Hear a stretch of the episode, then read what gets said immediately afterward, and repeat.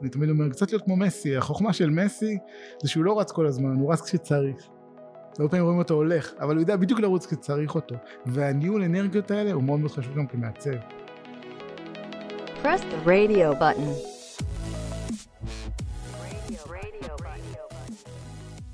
היי, hey, אתם על פרק נוסף של רדיו בטן, פודקאסט שמדבר על עיצוב חוויית משתמש. אה, אני יהודית אשר, והיום אני שמחה לארח כאן את צחי דינר. ולפני שנציג את צחי אני רוצה להציג איזה אה, אורח נוסף שנמצא כאן איתנו היום, שזה ארז רזניקוב, שאולי אתם מכירים אותו, זה הבחור אה, עם היורה הירוק בקבוצת פייסבוק שלנו, שהוא כל פעם שואל שאלות מעניינות, והוא הצטרף אליי כאן כדי לשאול שאלות נוספות. אז מעבר לאיור שלו, ארז מוביל את תחום העיצוב בחברת פיירבול. ונעבור לצחי, אז צחי הוא, הוא ראש המחלקה לתקשורת חזותית ב-HIT ונדבר היום עם צחי על uh, איך uh, הטכנולוגיה משפיעה עלינו כמעצבים. uh, וגם נגיע נדבר גם על לימודים ואקדמיה. אז היי צחי והי ארז. שלום לכולם נעים מאוד. היי יהודית היי ארז איזה כיף להיות פה. יופי תודה. אז צחי אני רוצה להתחיל בשאלה של איך, איך הטכנולוגיה השפיעה עליך כ, כמעצב, האם אתה מרגיש שאתה מעצב שונה בהתאם לטכנולוגיה, כלומר hmm. התוצרי עיצוב שלך השתנו בהתאם לטכנולוגיה ובהתאם אה, למה שקורה סביבנו? ישר, השאלה ישר לווריד הצוואר מה שנקרא, כן? זה בבת אחת כאילו שמנו פה אני חושב שאת שאלת השאלות, כאילו, מה באמת משפיע עלינו כ... כמעצבים ואין ספק שגם טכנולוגיה משפיעה עלינו לא רק עלינו כמעצבים אז ברור שגם התוצרים שלנו זאת אומרת מה זה בכלל אה, באופן עקרוני זה אומר מה אני צריך לדעת קודם להבין את הטכנולוגיה או הטכנולוגיה היא זו שקובעת אה, אה, איך הדברים ייווצרו ויש לה איזושהי נוכחות משל עצמה. ברור שהשפיע על המון המון דברים אבל אין ספק שעולם העיצוב הושפע מזה. במאה ה-15 כשהמציאו את מכונת הדפוס הדבר הבא שעשו זה המציאו את הדבר הזה שנקרא גרפיק דיזיין כי אמרו צריך גם לאמד את הדברים האלה אז אין ספק שאם הולכים ממש אחורה אז לשם שם זה השפיע אפילו כשאנשים דפקו עם יתדות על אבנים ההשפעה של, של עד היום שאנחנו מכירים בטיפוגרפיה מושפעת מהדרך שאנשים החזיקו יתדות אה, והכו בסלע זאת אומרת אין שום ספק בכלל שטכנולוגיה הייתה אה, מאוד משמעותית ואני חושב שכן צריך להבין את זה במרחב ההיסטורי הרחב ואז גם לראות את ההשפעות הקטנות לצורך העניין שקורות היום, אבל באמת חד משמעי. איך הטכנולוגיה השפיעה עליך כמעצב במהלך הכמה? 15? 20 שנה שאתה מעצב? אה, מעל 20 אבל כן, תמיד 20 וכמה ימים, אבל אלפי ימים, אבל בגדול אה, כן, אני, אני אומר 25 שנה משהו כזה, אבל זה עבר ככה, זה עבר באמת בהבזק. מבחינתי ההזדמנות שלי הייתה כסטודנט ב-HIT, עוד פעם, בלי לקדם את HIT, אלא התמזל מזלי להיות בתקופה מאוד מעניינת שהתפתח אה, עולם תוכן חדש, דיגיטלי, קראו לזה אז שם מוזר, מולטימדיה. בתקופה שאני למדתי העולם הזה שהוא היה בין לבין הפיזי אה, והטכנולוגי קראו לזה מולטימדיה. זה היה דבר מולטימדיה, כאילו הרבה מדיות לצורך העניין כשחושבים על זה ו... והיה לי מזל להיות בתקופה שאף אחד לא ידע באמת מה זה. וכשאני למדתי בחולון אחת המחלקות הכי חזקות שהיו בפקולטה זה היה פקולטה ל... לעיצוב אה, תעשייתי. שאתה יושב ומתייחס לאובייקטים ותפיסת חלל ואיך אנשים מחזיקים דברים ו... ולמה בכלל אנשים מחזיקים את זה ואיך הוא צריך לתפוס את זה וארגונומיה והמון המון דברים שהיום הם באמת אחד מה... אבני היסוד, כאילו חלק מאבני היסוד של מה שאנחנו קוראים, כן, חוויית משתמש, אז בשבילי זה היה תחילת הדרך, לא קראו לזה חוויית משתמש, זה ארגונומיה, הנדסת אנוש, או המון המון שמות. והמהלך הזה של לצאת בכלל ולדבר על אנשים ולצלם אותם, המהלך האתנוגרפי או האנתרופולוגי, ללכת ולזהות ולחקור, היה חלק מתהליך יצירה שבכלל היה קשור לתחום אחר. לא יכולת לייצר, אני זוכר שעשיתי, למדתי כביכול בתקשורת חזותית, אבל עשיתי מכונות קפה. כאילו בסדנה, מה הקשר? ונכנסתי לקורסים שהתעסקו בעיצוב פנים, כי זה מה שהיה. אז ההזדמנות הזאת להיכנס לאין סוף אה, קורסים, בעצם אה, הדליקה אצלי המון, אה, המון אזורים במוח, ש, שניסיתי לראות איך הכל מתחבר. עכשיו, באמת לא היה איזה מתודולוגיה נורא ברורה מה זה. ו- ואחד הדברים שבאמת נהניתי לעשות זה לקחת עולמות תוכן שהם לא קשורים לשום דבר ולייצר איזה פיוז'ן ביניהם ואם זה מוזיקה ו- ותנועה ולראות איך אנחנו מתכנתים את זה ולא היה אף אחד ללמוד ממנו לא היה Skillshare, Lynda או אפילו מנטורים ופשוט שקעתי לתוך הטכנולוגיות ואמרתי אני חייב לעשות עם זה משהו. אה, לימים אה, יוני בלוך עשה מזה קריירה אבל אני עשיתי את הדבר הראשון האינטראקטיבי לדן טורן. אהבתי אותו מצאתי אותו באיזה רשת ככה מוזרה ב... אה, ש, שעבדה על מודם ואמרתי yeah, הוא מגניב הוא, הוא, הוא כוכב ואני רוצה לעשות איתו משהו. ו, ובניתי לו מערכת שלמה של קליפ מייקר כאילו למישהו שעוד לא היה לו כסף להשקיע בקליפים וזה היה פרויקט מגע שלי והכל היה מתוכנת בלי שהבנתי אפילו מה עשיתי. ו, וזהו זה השפיע מאוד על מה שייצרתי. בעצם אז לא קראו לזה חוויית משתמש זה היה איזשהו מקצוע שהלכת אליו בנית אותו לעצמך. אה, כן ב-99 בערך ב-critical path ג'יימס גארט טבע את המונח אה, user experience אבל כן מבחינתי מה שאנחנו היום תולים כל אחד במשרד את עשרת העקרונות של אה, דיטר רמס כאילו מבחינתי למדתי עליו כמעצב תעשייתי שזה הדברים שאתה צריך לעשות כן אבל בטח לא חוויית משתמש ומה שאני מנסה להבין כאן זה לא חשבת לרגע ללכת נגיד לתכנות או למדעי המחשב? לא. לא ממש לא כי אני, אני חושב שיש יש אה, רמה מסוימת שאתה אתה מעמיק ומבין אם זה נכון או לא נכון אבל קודם כל אתה צריך להעמיק. זה כמו שאני מלמד את הבנות שלי כאילו תתנסו תתנסו תתנסו אני לא אקבע לכם מה. ברגע שאתה מתחבר אתה מתחבר. לאורך כל אני חושב שזה היה בלית ברירה. אומרת, אה, כשאני רציתי לתכנת את הפרויקט שלי לא היה לי למי ללכת של ללמד אותי דירקטור או לא משנה היה שם התחלות נורא מוזרות של, של טכנולוגיות. היה, היה תחרות בכלל מי יהיה הראשון שבכלל ייצר אנימציות ברשת. אה, לא היה פורמטים מאוד ספציפיים על מה זה בכלל? אתם זוכרים פלאש סוואפים וכל מיני כאלה זה אפילו היה לפני. אה, אז, אז הייתי חייב ללמוד לבד אם רציתי לייצר משהו. ו, וגם ידעתי להיכנס מספיק למים המספיק לא נקרא לזה עמוקים אבל עמוקים מספיק בשביל להביא מה שאני רוצה לעשות בלי להיכנס לעומק של התוכן הטכנולוגי. כי מה שבעצם מסקרן אותי כמעצבת זה כמה אנחנו כמעצבים משפיעים על הטכנולוגיה כי אנחנו מדברים על זה שהטכנולוגיה משפיעה עלינו כמעצבים אבל אה, אתה בעצם הלכת וחקרת גם את הטכנולוגיה. תשמעי בהינתן מה שהיה מצאתי את הדבר שהיה נראה לי הכי הגיוני ונכון והשתמשתי בו אני חושב שאותו דבר גם היה עם, עם פלאש כשנכנס פלאש אז uh, היית צריך uh, ללמוד, בשביל לייצר אנימציה הייתי צריך ללמוד ActionScript, ללמוד איך הדברים זזים. אז היה ActionScript אחד, זה היה סבבה. אז מעצב ב-Flash גם הוא זה שתכנת וגם עושה את האנימציה. לאט לאט ככל שהטכנולוגיה הפכה להיות הרבה יותר אה, בוגרת ודרשה יותר אה, פוקוס פתאום נהיו תפקידים. יש מעצב, אנימטור ותכנת ActionScript לצורך העניין. prototyper.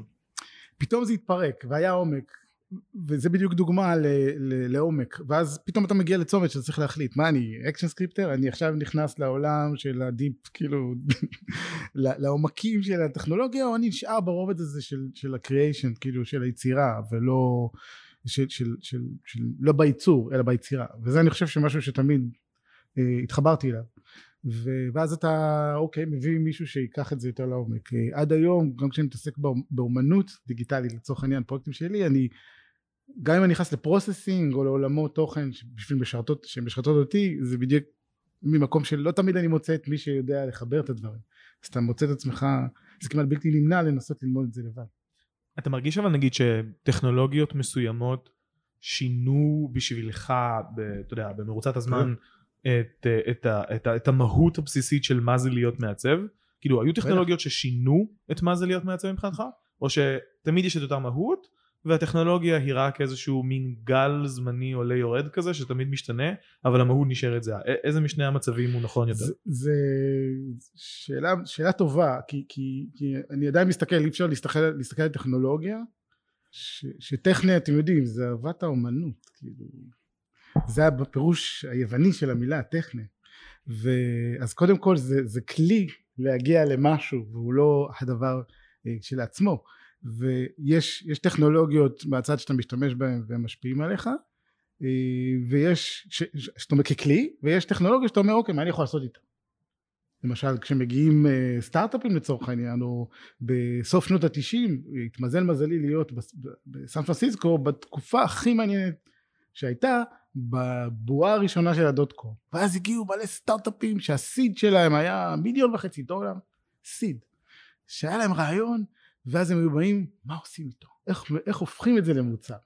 זאת אומרת העולם נחלק לכמה סוגים של אה, חברות ומוצרים של בין יש לי טכנולוגיה מה עושים עם זה? לבין צורך אמיתי לבין איזשהו משהו חזוני יותר. אז זו הייתה תקופה של המון המון רעיונות וטכנולוגיות ו-IP ומה שאתם רוצים ו... אבל מה עושים עם זה? איך באמת אורזים את זה למשהו שהוא אה, מעניין? אז במקרה הזה מצד אחד היה את הכלים של איך להפוך את זה מצד שני מה עושים עם הטכנולוגיה הזאת? והיו דברים נורא מרשימים באותו זמן זה לא משנה כמה טכנולוגיה היא מתקדמת ובסופו של דבר אה, מתוחכמת. אם בסוף זה לא יודע לגעת בצורך או לענות על משהו זה לא רלוונטי. ואני חושב שגם כאן אה, אם אתה לא יודע להנגיש את זה אז תישאר טכנולוגיית עילית או, או, או נמצאת שם בצד. אני חושב שהכוח והעוצמה לפחות שאני גיליתי זה ביכולת למצר את זה. ולהשתמש בטכנולוגיה ובעקרונות של הטכנולוגיה אבל לבנות מוצר שהוא יכול לגעת ולשנות אז בעצם אחד הדברים שאתה מתאר שהלכו איתך לאורך כל הקריירה זה איזשהו צד טכנולוגי גם חזק. כלומר מעבר לזה שאתה כן. מעצב טוב אתה גם מביא איתך איזשהו אה, ידע אה, טכנולוגי. אני לא, אני לא מפתח או לא אין לי אני חושב שאם אפשר לדרג אותי כאילו אם אני, יש לי את מה, ש, מה שצריך בשביל להיות מפתח אין לי. זאת אומרת אני לא אני אשב מול תכנתים ו, ואם יש צריך מוח כאילו באמת איזה, איזה יכולת אנליטית באמת להיות מפתח. אצלי תמיד יהיה הדרך הקשה. זאת אומרת יש מישהו שהוא natural born פרוגרמר ויש מישהו שהוא בדרך קשה. אז אני מהאלה שבדרך הקשה כאילו ייקח לי את הסייקלים להבין. אבל גיליתי שזה חלק כמעט אינהרנטי בתהליך שלי בלהבין את זה. זה כמו שאני הולך לפילוסופיה בשביל להבין עד הסוף דברים אני לא פילוסוף אבל זה עוד כלי בשבילי לנסות לבחון דברים אז גם טכנולוגיה לאורך השנים כאילו אפשר לפרוס הרבה מאוד טכנולוגיות שנגעתי בהן. עד היום שאני מוצא את עצמי מבלה בלילה בג'נרטיב דיזיין ומתעסק ב-P5 ובפרוססינג ושלא לדבר עכשיו על כל הנושא של Machine Learning והחיבור של זה לתוך העולם שלנו כמעצבים ולמה אני חושב אה, שאנחנו לא יכולים להתעלם מזה בכלל בשום צורה אני חושבת שהעלית כאן נקודה מאוד מעניינת, היא קצת uh, מתחברת להרצאה שהעברתי ב-Startup Designers, שדיברתי שם על uh, מי מפחד מקוד, שדיברתי שם על ההקשר של קוד, אבל בעצם אני חושבת שאחד הדברים שהרבה פעמים מרתיעים אותנו כמעצבים, זה לצלול לתוך טכנולוגיה, או לתוך דברים שאנחנו, יכול להיות שאמרת כאן הרבה דברים, וחלק מהמעצבים כזה מרגישים, אוי מה רוצים איתנו, כאילו זה, זה נשמע מורכב, אז בוא תדבר על זה, על כמה אתה חושב שמעצבים צריכים להיות מחוברים לטכנולוגיה. קודם כל בוא אספר איזה משהו, למה בכלל התחלתי ללמד? לא, כי זה קשור, כי אפרופו אה, החברה השנייה שהייתה לי, זו חברה שככה הקמנו ב-2003 ואני ושותף שלי שהיום אה, אה, צביקה גיא, שהיום איפשהו מסתובב בכל מיני חברות הייטק, היא בדיוק עסקה במקום הזה שמחבר בין המדיומים, כן? אז כבר התחילו לקרוא לזה interactive או 360 מעלות interaction כאילו מלא מלא שמות כאילו לאורך ההיסטוריה מלא שמות. ו- או new media או whatever זה לא משנה אבל פתאום הבנו שצריך לחבר בין עיצוב לבין אה, אנשים שעושים אפיון זה בערך כאילו, לייצר את האדריכלות ולחבר את הדברים. היו הרבה סטודיו שהתעסקו בעיצוב מאוד שטוח והיו חברות שהתעסקו בזה ואז הקמנו איזה משהו שהוא היה מאוד חדשני באותה תקופה והתחבר לזה. וראיתי שאנחנו מקבלים אנשים אה, שמאוד אה, מאוד ספציפיים במה שהם יודעים לעשות אבל בזמן שאנחנו מחפשים T-shapes כאלה שאנשים אפילו יותר מזה fountain shapes אני קורא לזה כאילו זה הרבה יותר מ-T-shapes. זה אומר שיש לו איזה רגל אחת ועוד הרבה דברים שהוא נוגע בהם ו... ואנשים התחילו לשבת בסטודיו ואומרים לי אני לא למדתי לעצב לוגו.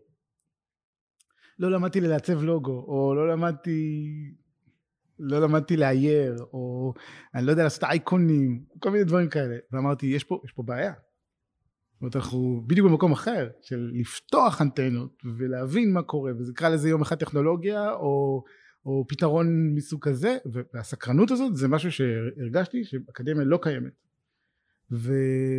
ולמרות שהיה לנו סטודיו של כמעט 40 אנשים ומיליון דברים לעשות, כמעט הרגשתי שליחות ללכת לאקדמיה, ו... להביא את מה שקורה באמת בחוץ ולהחזיר אותה לאקדמיה כי, כי אנשים לא יכולים לבוא ולהגיד אחרי ארבע שנים אני לא יודע לעצב לוגו אולי אני לא טוב בזה אבל אין כי כיתות על רגע, דיזיין האקדמיה הייתה הרבה יותר טורית? הבעיה של האקדמיה הייתה שהייתה צרה ולעומק או שטוחה ולרוחב? מה- היא הייתה יותר? תשמע העולם האקדמי בטח בעולם הזה של תקשורת חזותית ועיצוב גרפי לצורך העניין אתה יודע 80 שנה של עיצוב גרפי קלאסי פוסטר דו-ממד כאילו עשו את שלהם פתאום אנחנו נמצאים במקום שהוא לגמרי כולנו ניוביז כאלה באיזה התחלה חדשה לא ברורה ואין איזה פרדיגמה שאתה יכול או, או מתודולוגיה חדשה שאתה יכול להכניס פנימה. והיא חייבת לבוא מתוך העולם המסחרי ומהר. כי אתה יודע האבנים טוחנות נורא לאט כי, כי זה אותם אנשים שחוזרים על עצמם. אז, אז, אז הנה שאלה, ש... מחשבה שעולת לי, הרי אה, לגבי ה-T-shape או fountain shape או שטוח או רחב, כן, איזה סוגים של סקילים יש לכל בן אדם, אז נגיד, האם אתה חושב שביחס לעבר, היום אנשים צריכים להיות יותר, נקרא לזה, טכנוקרטים ממה שהם היו פעם? כי, כי, כי אני יכול לחשוב על מצבים מסוימים שבהם אה, בגלל שיש מלא כלים שעושים בשבילנו מלא דברים בחצי אוטומציה אז אנחנו קצת פחות טכנוקרטים כי לא צריך לעשות דברים בידיים יותר מצד שני יש טכנולוגיה מתקדמת יותר שכדי להבין ולהשתמש בה צריך להיות יותר טכנוקרטי אז כאילו all in all אתה כאילו מה, מה יותר לדעתך? תשמע יש כמה מגמות כן no code בכלל כן, ויש לדוגמה. טכנולוגיה. אני תמיד שואל גם כשאני פוגש את הסטודנטים שלי מה עדיף לדעת לנהוג או איך אותו עובד? ורוב האנשים יגידו לדעת לנהוג. ואני אומר להם אבל עוד שנייה יש אותו אוטונומי אז מה למה בזבזת את כל הזמן הזה? אבל תוכל מחר לבנות את האוטו שאתה רוצה ותוכל מחר לתכנן את משהו שמתאים לך. וזה, וזה העניין העקרוני ואני חושב שהאקדמיה כחלק מהשליחות שלה כן היא לייצר skills ולא בהכרח ידע זאת אומרת זה משהו שגם קשור לכל עולם החינוך ושוב אני חוזר לבנות שלי כאילו שהם אה, אני, אני רואה איך אנחנו נותנים יד לתוך הנזק הזה שהולך ו, ו, וגדל ככל שהשנים נוקפות כאילו ה, ה, להיכנס לאיזה stream של שינון שאנחנו לא צריכים לשנן היום הכל קיים אבל איזה סוג של skills ואם אנחנו חוזרים לאקדמיה והמשמעות שלה היום זה על איזה התנסות נזק אתה? שאנחנו נותנים יד לנזק? אני תמיד אני אומר גם ככה נגיד שאתה רואה מישהו שנורא אוהב לרקוד רוקד באופן חופשי כמו באיזה מסיבת טבע ובטח כהורים שאנחנו אז מה, מה בדרך כלל עושים כשאתה רואה את הילדה שלך נורא אוהבת לרקוד? מה אתה עושה? שולח מצלם אותה אותה. לח- שולח אותה לחוג. ואז היא נכנסת לחוג ואומרים לה לא לא אל תעמדי ככה. תרימי ידיים למעלה. לא לא עכשיו את צריכה לעשות ככה בלי לזוז איבדנו את כל הפאן שיש בדבר הנורא נורא בסיסי הזה. ובתי ספר כן בטח המוסדות החינוכיים כמו שאנחנו מכירים אותה היום אה, ויש אין סוף מחקרים על זה כן יצירתיות מה זה אומר להיות יצירתי בגיל 4 מה זה אומר להיות יצירתי בגיל 18 אנחנו מבינים שנשארו 2% אחרי מערכת החינוך הזאת שהם יצירתיים. שמה זה אומר יצירתי? סקרנות להתנסות אה, ללכת אחורה אה, להיכשל. אני, אני כל הזמן אני משתמש בדוגמה הזאת אבל אם היינו כמבוגרים היום אחרי תיכון היו צריכים ללמד אותנו ללכת כנראה שכולנו היינו זוחלים. כי ילד קטן שבמשך היום נופל 800 פעם הוא יודע שהוא צריך ללכת. אנחנו כנראה היינו מוותרים. כי לימדו אותנו כנראה זה לא בשבילנו. אז יש משהו בילדותיות האלה שהרבה מהדברים האלה אני מנסה גם להחזיר לסטודנטים שמגיעים לאקדמיה ולחבר את הדברים האלה ביחד וקצת לשחרר. וזה נורא קשה. זה נורא קשה. ושוב אותה, ואותה יצירתיות כאילו איך היא כאילו מה האינטראקציה בינה לבין ה, כאילו הנטייה הזאת לטכנופוביה או טכנוקרטיה כן? זאת אומרת אם אני אם אני מאוד יצירתי אבל אני מפחד מטכנולוגיה אז אני אמנם אהיה יצירתי אבל אני כל הזמן אברח למחוזות שנוחים לי. בסדר אז אני חושב שיש catering שמתאים לכולם בסדר? זאת אומרת אה, גם כל אחד יכול למצוא את הנישה שלו מאז ומעולם בסדר מישהו שרוצה לעשות את הזמנות לחתונות תמשיך לעשות את הזמנות זה בסדר זאת אומרת אין, אין אני חושב שמה שיפה זה אין הכרח is, כאילו זה הטייפ וזה האף טיפוס ו... אבל אני, אני בגלל שאנחנו נמצאים במקום של חוסר ודאות ש, שיהיה ברור לכולם אחד הכלים הכי חשובים לך זה להתמצא בחוסר ודאות הזאת ולדעת לחצוב את הדרך שלך בעצמך. אני אומר לכם באורך כל תקופת הקריירה שלי שום דבר לא היה ברור אתם מדברים איתי על user experience אז אתה הולך פותח במדיום וזה מה שאומר לך זה הסטפים design thinking תעשה תייצר אמפתיה. אתה לא קורא ואומר מה זה אמפתיה אתה צריך להבין ולהרגיש ולהיות ולא לקרוא איזה הגדרה מינו- מינוחית מה זה אמפתיה. ו- ו- ואני חושב שזה הסיפור כי טכנולוגיה היא לא לפחד מזה כי, כי זה אסט זה, זה כמו להגיד אני לא משתמש בנרקיס בסדר? אה, למה? זה שם אתה יכול להתנסות לראות מתאים לך לא מתאים לך כטיפוגרף. זה כמו אדריכל לצורך העניין לא משתמש בגרנית כאילו טכנולוגיה היא, היא חלק גם כמו שאמרתי לכם גם ככלי שמשפיע על הזמן שלך ועל הסייקל אה, שלוקח לך לייצר דברים. מצד שני גם טכנולוגיה לפעמים אתה צריך להקדיש לה את היצירה שלך או להפוך אותה להיות המוצר. אני אמ, דבר ראשון ממש אהבתי את ההגדרה של אישם וצריך להכיר אותה. אה, אני חושבת שהרבה פעמים כמעצבים ותגיד לי גם אה, איך אתה נתקל עם סטודנטים וסטודנטיות אמ, אנחנו קצת חוששים לפעמים להיכנס לתוך הטכנולוגיה ולהבין אותה. קודם כל לא קצת, הרבה. הרבה, ואגיד לך ארז שמלמד אצלנו קורס uh, Webflow ופיגמה, אז פיגמה לצורך העניין קל להבין כי היא מאוד אינטואיטיבית, אבל ברגע שאתה נכנס ל-Webflow, סבבה, אז את הדברים הבסיסיים אתה יכול לעשות, אבל כשאתה נכנס לעומק באמת בשביל לייצר חדשנות, אתה צריך להיות באזור שאתה לא מכיר.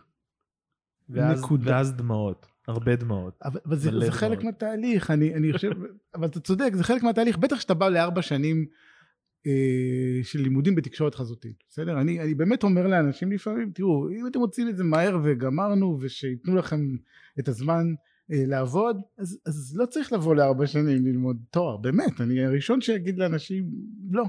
אתה רוצה להיות, זה להגיע לאיזה חברה, ו, ואתה חושב שאתה מוכשר נורא בממשקים ומעצב, אז תעשה פורטפוליו טוב ותלך תעבוד. אבל אני רוצה דווקא לדבר על, על הנושא הזה ולהוציא אותו שנייה מהאקדמיה ספציפית כי אני חושבת שיכול להיות שכאלה שלמדו באקדמיה כבר לפני הרבה שנים וזה כבר לא פחות התמודדו מול ה... אה, פחות לפחד מהטכנולוגיה כי אני חושבת שכמעצבים אנחנו חייבים דבר ראשון לא לפחד. כאילו כמה נדע כמה נלמד כמה נעמיק זה כבר עוד שאלה. אבל דבר ראשון לא לפחד. בוא ננסה אולי ביחד כאן לקבל ככה את, ה, את, את הטיפים של המומחים לאיך איך, איך באמת אנחנו כמעצבים יכולים פחות לפחד מלגשת לטכנולוגיה ולהכיר אותה. אני, אני אגיד שנייה משהו לפני צחי. אני לא בעד לא לפחד למען האמת פרדוקסלי כמה שזה לא יש אני בעד לפחד אני פשוט חושב שהדבר היחיד שגורם לך לא לפחד מטכנולוגיה היא הפחד מלא ללמוד טכנולוגיה בזמן כי צריך להיות בן אדם מאוד נאיבי היום כדי לא לדעת שיש כוחות שוק מאוד מאוד חזקים עם זרם מאוד חזק שאומר לך את הדבר הבא לא תתמצא בטכנולוגיות מסוימות תשאר בלי עבודה תשאר בלי כסף לא תשלם משכנתה וכאילו והפחד מזה לאט לאט פשוט יהיה גדול יותר מהפחד ללמוד טכנולוגיה. אז העניין הוא לא לבטל פחדים הוא להבין שיש פחדים גדולים יותר. אתה יודע, הקלטתי פרק עם אה, אה, ליאור, פרנקל, הוא הוציא את ה... ויש לו ספר שהוא דיבר על זה הרבה לפני הקורונה, ואז הוא, אחד הדברים שהוא אמר אה, אה, בפרק איתי אז הוא כאילו אמר אני לא רוצה להיות הבן אדם שאמר אמרתי לכם. אה, אז אתה עכשיו קצת כמו, כמו ליאור פרנקל שאומר חכו יש פחדים יותר מפחידים ובואו. אני, אני אומר דברים אחרים. עוד פעם אני לא חושב שהם מפחדים הם פשוט מצפים למשהו אחר. ו... ואמרו להם שעושים דברים נגיד שאנשים באים לתקשורת חזותית ואני רואה את זה תראי אה, אני, אני עושה בשנים האחרונות ימים פתוחים כן? בטח במסגרת התפקיד שלי כראש מחלקה אז אז משנה לשנה זה קודם כל גדל. כמויות האנשים שמתעניינים בתחום ורוצים ללמוד אז, אז הם באים ביום פתוח ואת רואה שהם לא באמת מבינים מה זה אומר. שאלות שלהם בדרך, בדרך כלל מסגירות מה הם חושבים על התחום הזה. ואני שם יותר ויותר משנה לשנה גם המצגות שלי הן מצגות שעוסקות בטכנולוגיה ו... וממש מתעקש להסביר על זה שכן מי שבא היום ללמוד ומראה להם את הפרויקטים שעשה פיליפ סטארק עכשיו שייצב עם אלגוריתם את הכיסאות שלו ו... ויש עכשיו מלא פרויקטים וסטפן סגמייסטר שעיצב את הלוגוים אה, שלו בעזרת generative וב Processing אין מה לעשות MIT כאילו לא חסר בעצם היכולת הדינמית הזאת טכנולוגיה מאפשרת לנו לייצר עיצוב שהוא באמת דינמי אה, מותאם ומפתיע ו, ודווקא בגלל שהוא מה שנקרא אנחנו במים הרדודים של, של האוקיינוס הזה יש הזדמנות להיות הראשונים שם שיודעים מה לעשות עם זה. ולא סתם אני כתפיסה של מחלקה באיזשהו מקום אני רוצה להחזיר את זה קצת אני, אני חושב על זה היום למקום שאני התפתחתי בו שהיה בופה של אפשרויות. בניגוד למסלולים שבדרך כלל מקובל להיות זה דבר ראשון שעשיתי אין מסלולים. אין מסלולים כי מישהו שרוצה ללמוד graphic design לא יכול להיות שהוא לא ידע לייצר לזה אה, אנימציה ומישהו שלומד interaction לא ידע אנימציה ובטח לא ידע מה העקרונות של design. רגע אז היום כאילו אין איזה שהם נגיד אני יודע כשאני למדתי שנקר אני סיימתי ב-15 את שנקר ולנו היו מסלולים מאוד ברורים של print כאילו כן. איור בצד כאילו כאילו הם מתפצלים בשנה ב' ואז יש כאילו print motion ו interactive. בסדר אז גם היה אצלנו. אז, אז כאילו מה קורה עכשיו בחולון? אין, אין בכלל אני מסלולים? אגיד לך- אני? אגיד לך מה קרה מטבע הדברים, מה קרה, היה גם interactive, motion, כאילו מידיה, מה שנקרא, motion graphics, והיה אה, עיצוב גרפי print. אה, מה קרה לאורך השנים? פתאום כולם, כל ה... שצריך לבחור את המסלול שלך, 85% רוצים ללכת ל interaction design, עוד איזה כמה, עשרה הולכים למידיה, ושלושה אנשים שלא אוהבים לא את זה ולא את זה, אמרו טוב נעשה פוסטרים. אז אני רוצה שככה נדבר גם על הטכנופוביה, אה, דווקא אה, גם בהקשר הזה של אה, מעצבים שאו למדו לפני הרבה שנים ולא פחות התעמתו מול הטכנולוגיה, או מעצבים שלא עשו תואר, ואיך באמת אנחנו כמעצבים יכולים פחות לפחד מה, מהטכנולוגיה, אה, הרבה טוטוריאלס, לא. כן, שזה אחלה, לא. שזה אחלה. אה, שוב, כאילו, אני, אני רוצה רגע, אנחנו מדברים הרבה על טכנולוגיה, אבל שוב, באיזה, באיזה הקשר? אם גם אנשים נורא מפחדים להיכנס לכלים חדשים, בסדר? Mhm. אנשים תקועים, אני רואה, היו, היו תקועים הרבה באילוסטרייטור, ולקח להם הרבה זמן לעבור לסקאץ', ועכשיו הם נעולים על סקאץ' כי כבר עשו איזה... המקום הזה שכבר התחלתי, למה להפסיק, הוא, הוא לא טוב. כי סבבה, אתה, זה כמו שלפני שנתיים לימדנו סקאץ' ו, ועכשיו מלמדים פיגמה ומי יודע מה יהיה עוד שנתיים. אה, זה מצחיק כי התקשרה מישהי גם למזכירות אצלנו לשאול איזה תוכנות לומדים. אה, מישהי שרוצה להתקבל לבית ספר. אבל מה כנראה אמרו לה איזה תוכנות אנחנו לומדים היא התחילה לעבור אה, רשימה. אמרתי לא יודע שתהיי פה אחרי עוד שנתיים. יהיו כנראה את התוכנות שאנחנו חושבים שהן רלוונטיות אבל זה לא משנה. אה, ברגע שאתה לומד את העקרונות ואני חושב שגם כאן יש את הכלים של להתמודד עם כלים שיעזרו לך להיות מעצב יותר טוב זאת אומרת אה, לשפר את הדרך שאתה עושה execution לצורך העניין ויש טכנולוגיות שפותחות לך עכשיו אתה יוצא מהמערה ומאפשרות לך להיות לפרוח כי אתה מתעסק גם במרחב. למשל Unity או Unreal או עולמות תוכן שהם אה, במצב אה, מגובש יחסית אבל עדיין בשביל להגיע למקומות מרשימים למשל בעולמות של VR כן אתה צריך פתאום לדעת קצת קוד C++, C++ או להיכנס קצת לכל מיני widgets או להיכנס ל GitHub לצורך העניין ולהוריד כל מיני snippets כאלה בשביל להגיע למשהו שהוא באמת מיוחד. אותו דבר גם ב Webflow אתה יכול להיות בסיסי ואתה רוצה להיכנס פנימה. אז אני חושב שזה אקספלורציה. זה כמו באמת לקחת איזה כרוב וכל פעם להוריד ממנו איזה חלק ולאט לאט להגיע לליבה שלו. ובגלל זה אני חושב שרוב הכלים הם כאלה שהם מודולריים. אתה לא חייב להיכנס בכל הכוח לתוך uh, העומק אתה מתחיל ברדודים ונכנס פנימה. וזה ההצעה הכי טובה שלי. זאת אומרת תתנסו ולא סתם אמרתי טוטוריאל כן תיקח את הדברים הכי, בסיסיים. כל טכנולוגיה שאתה תרצה יש בגינרס גייד ה-one on שאתה נכנס. ותמיד אמרו בקוד אני זוכר שקייסי רייס אמר את זה או בן אה, שפילרמן אני חושב שקוראים לו שפיתחו את, אה, את Processing הדבר הכי קשה בתכנות זה לכתוב hello world וברגע שהבנת שאתה יכול בקוד לייצר משהו פתאום אתה אומר זה הקסם וזה תמיד אנחנו צריכים כל הזמן לייצר קסם בטכנולוגיה. כשאנשים פתאום עושים עולמות וירטואליים שלא האמינו שבכלל הם יכולים להיכנס וזה חלק מהתהליך שאנחנו עושים והוא הדרגתי הם פתאום מבינים את הפוטנציאל של זה. וזה לא הרבה לצערי עכשיו אבל מספיק שיהיה חמישה אחוז וכל שנה זה גדל עוד עשרה אחוז שפתאום מבינים את הפוטנציאל.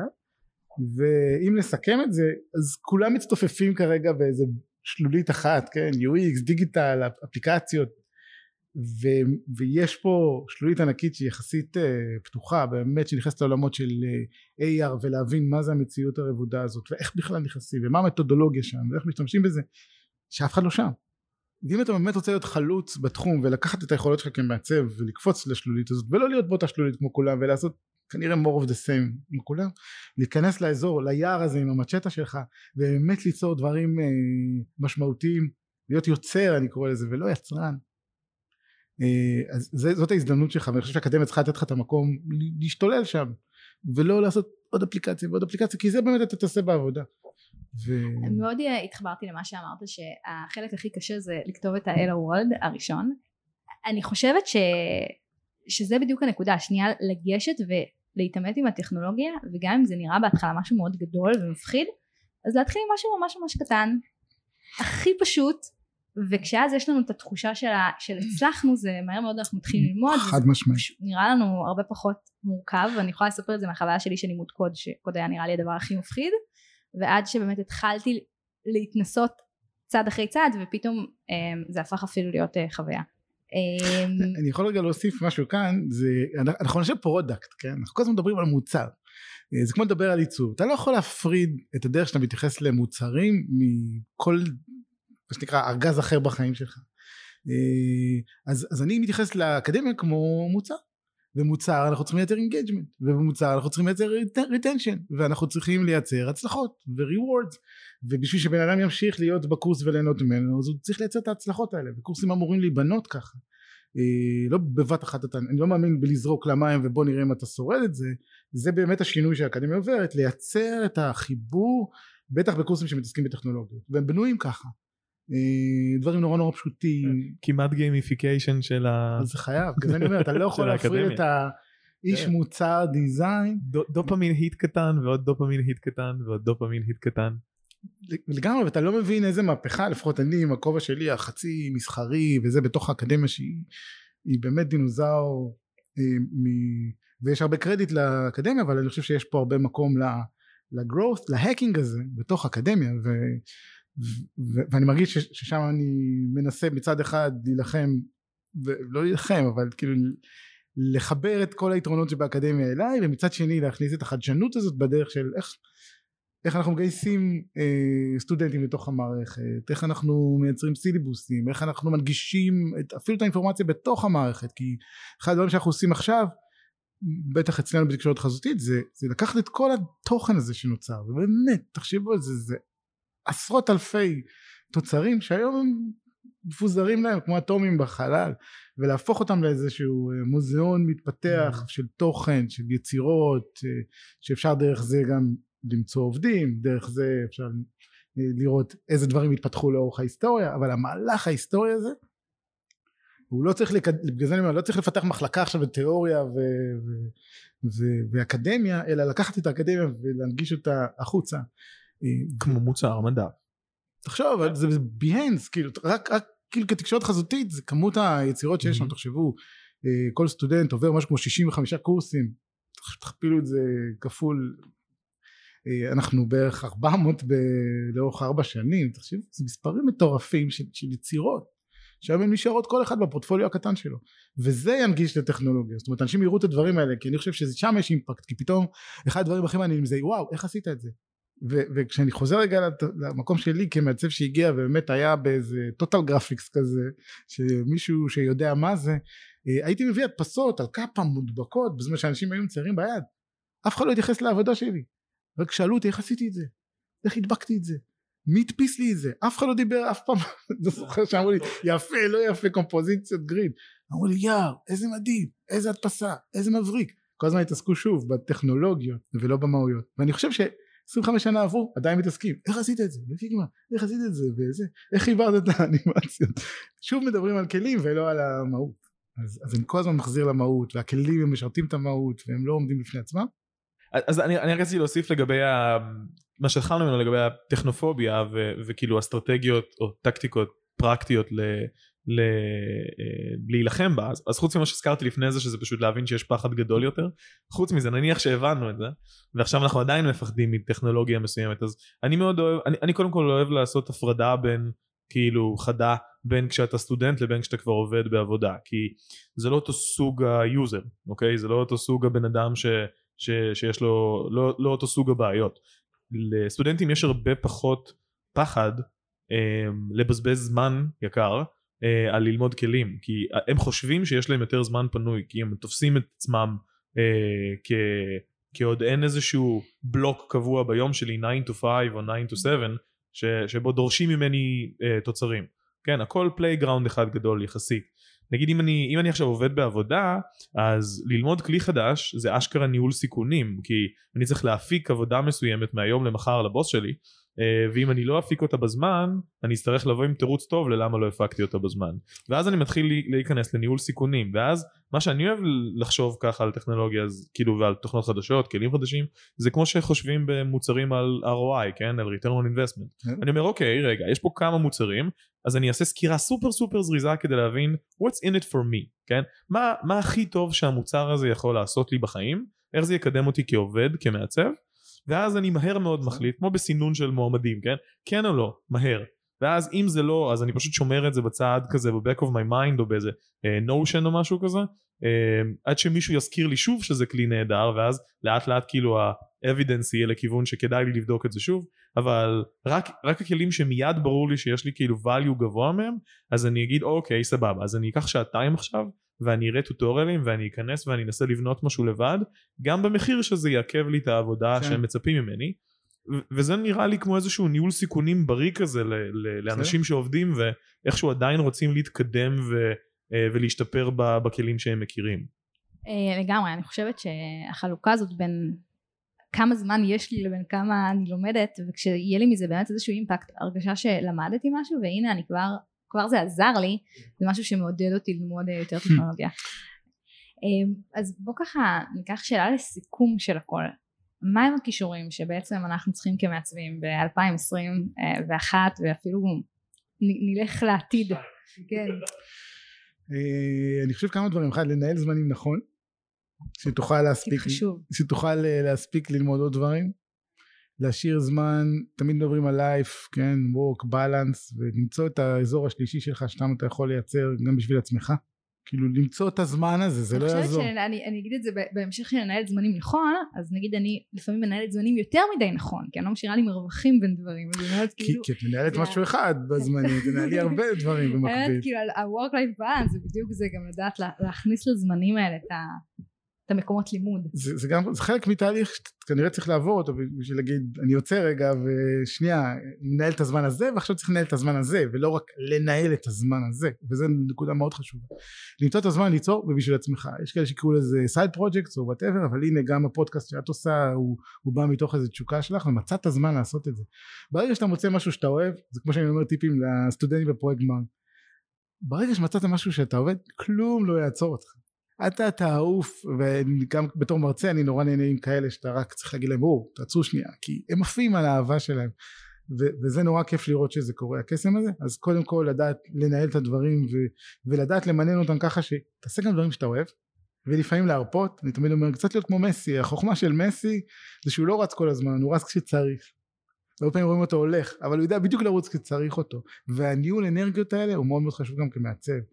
ולהסתכל על הדברים מאחורה כמו שסופר יודע לכתוב לעזוב את זה ולדעת לחזור אח- אחר כך ולתקן את זה. אני אף פעם לא עורך כשאני כותב משהו באותו זמן. פתאום אחר כך אתה לא יכול לעשות הכל ברצף צריך לדעת לעשות את, ה- את העצירות האלה. וזה חלק מתהליך שאתה לומד עם עצמך לדעת מתי לעצור וגם אם יגידו לך מה אתה עושה לא לפחד. וזה הדבר השני הוא לא לפחד לקחת סיכונים לא ברמה של קלישאה זה יכול להיות דברים קטנים נורא. אה, לעשות משהו שלא שאתה לא רגיל לעשות לצאת כל פעם מהקומפורט זון שלך ופשוט לעשות הפוך. היה פעם פרק בסיינפלד שג'ורג' קונסטנזה עשה הכל הפוך ופתאום הכל הלך לו. במקום להיות לוזר הוא היה מצליחן. אה, אבל, אבל אני חושב שזה נכון לדעת לאמן את עצמך אה, למצוא את המקום הזה. שאתה יכול לטעות או ליפול אפילו אם תיצור לך אתם יודעים כמה עמודי אינסטגרם היו לי שהם לא אכפת לי מ followers אבל בשבילי זה היה איזו מחויבות למשהו לעשות ולמצוא וליצור והעיקר אני מעלה משהו תמצא את המקום שלך שאתה עושה בשביל עצמך להיות מה שנקרא זה כמעט כמו באקזיסטנציאליזם זה לחוות את עצמך בגוף ראשון ולמצוא את המקום הזה ש, שהוא שלך וזה משהו חשוב. ודבר שני הוא דבר שלישי בעצם שאני אומר את זה לכולם זה לא להפסיק ללמוד באמת לא, לא ברמה של עכשיו איזה פריצ'ר אלא וזה יכול להיות כל דבר וזה יכול להיות קשור בסוף זה באמת הנקודות מתחברות וזה יכול להיות בעיצוב ולהתמקד בעיצוב ולהיות אקספרט בעיצוב ופתאום בשבילי פילוסופיה הכניס אותי לעולם של וירטואל ריאליטי תראו איזה, איזה קשר והכניס אותי לעולם של, של אסתטיקה ועולם של מכונות וטכנולוגיה.